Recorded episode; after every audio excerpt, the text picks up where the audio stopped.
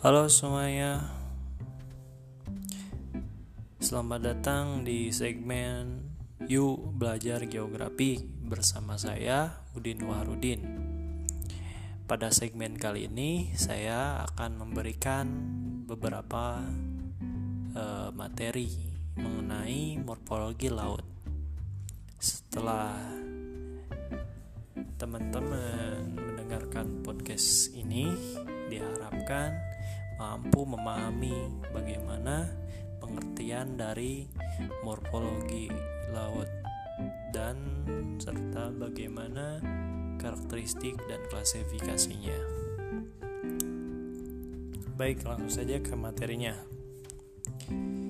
Kita ketahui bahwasanya panorama permukaan dasar laut atau Morfologi merupakan gambaran dasar laut sebagaimana yang ada di daratan, seperti kenampakan dari pegunungan, gunung api, lereng, dataran, lembah, dan parit.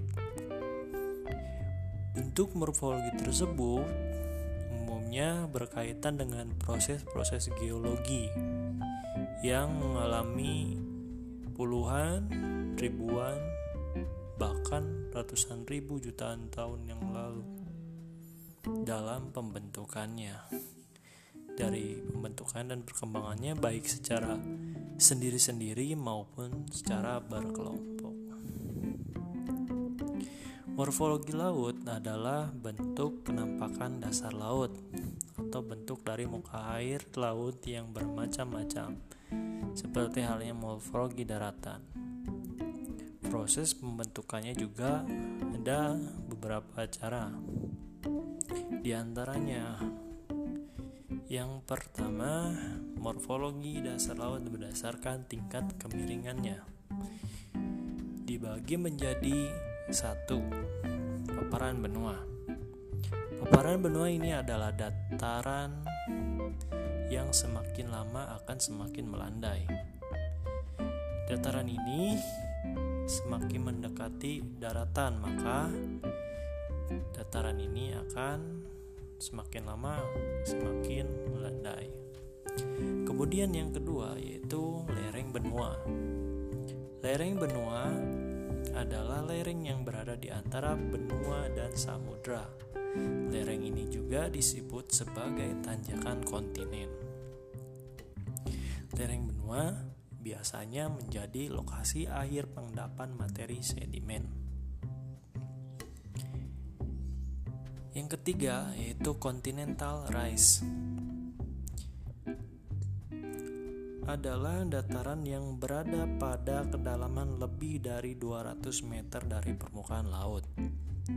Lereng benua memiliki lereng benua atau Continental Rise memiliki kemiringan 4% hingga 6% luas permukaan bumi terisi oleh laut dalam sebanyak 13% dan yang terakhir yaitu yang paling dalam adalah lantai samudra atau biasa disebut juga dengan abyssal plain.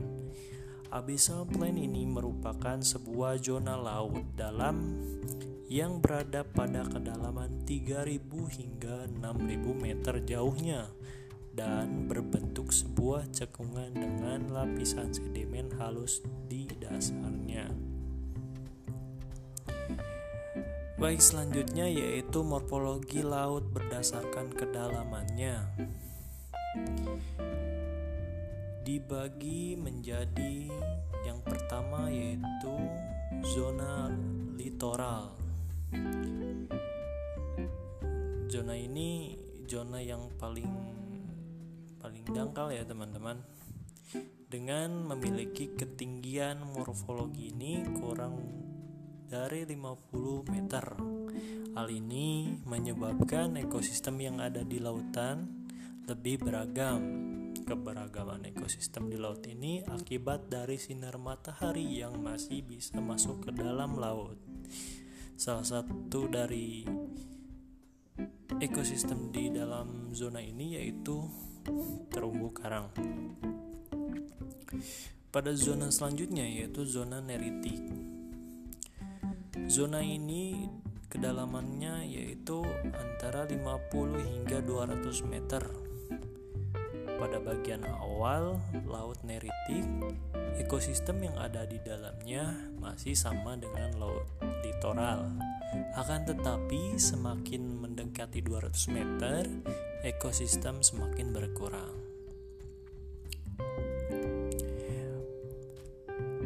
Pada zona selanjutnya yaitu zona bat batial. Zona ini merupakan dasar laut yang memiliki ketinggian antara 200 hingga 2000 meter dari permukaan laut. Ekosistem dalam zona bat batial ini sangat sedikit karena zoom jumlah matahari yang masuk semakin berkurang.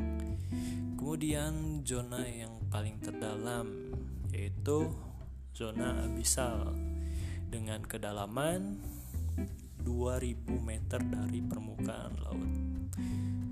2000 lebih ya, teman-teman.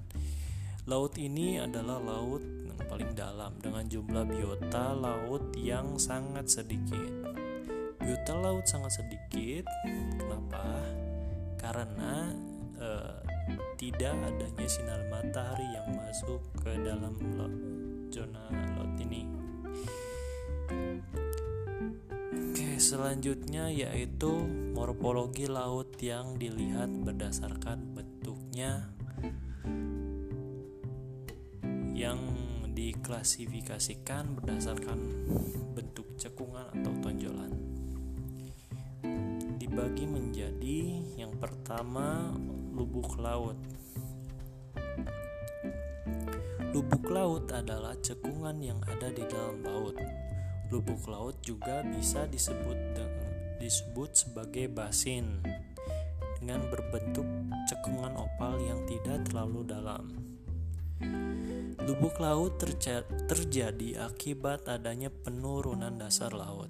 Penurunan ini dapat disebabkan oleh lipatan. Kemudian yang kedua yaitu palung laut. Cekungan di dalam laut yang berbentuk panjang dan dalam. Palung laut adalah lubuk laut yang terus mengalami penurunan bawah atau disebut dengan ingresi.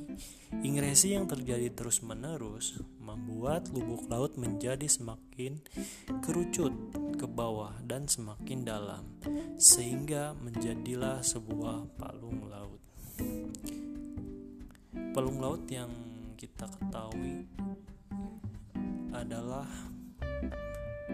palung laut Mariana itu terdalam di dunia ya teman-teman. Kemudian selanjutnya ada ambang laut.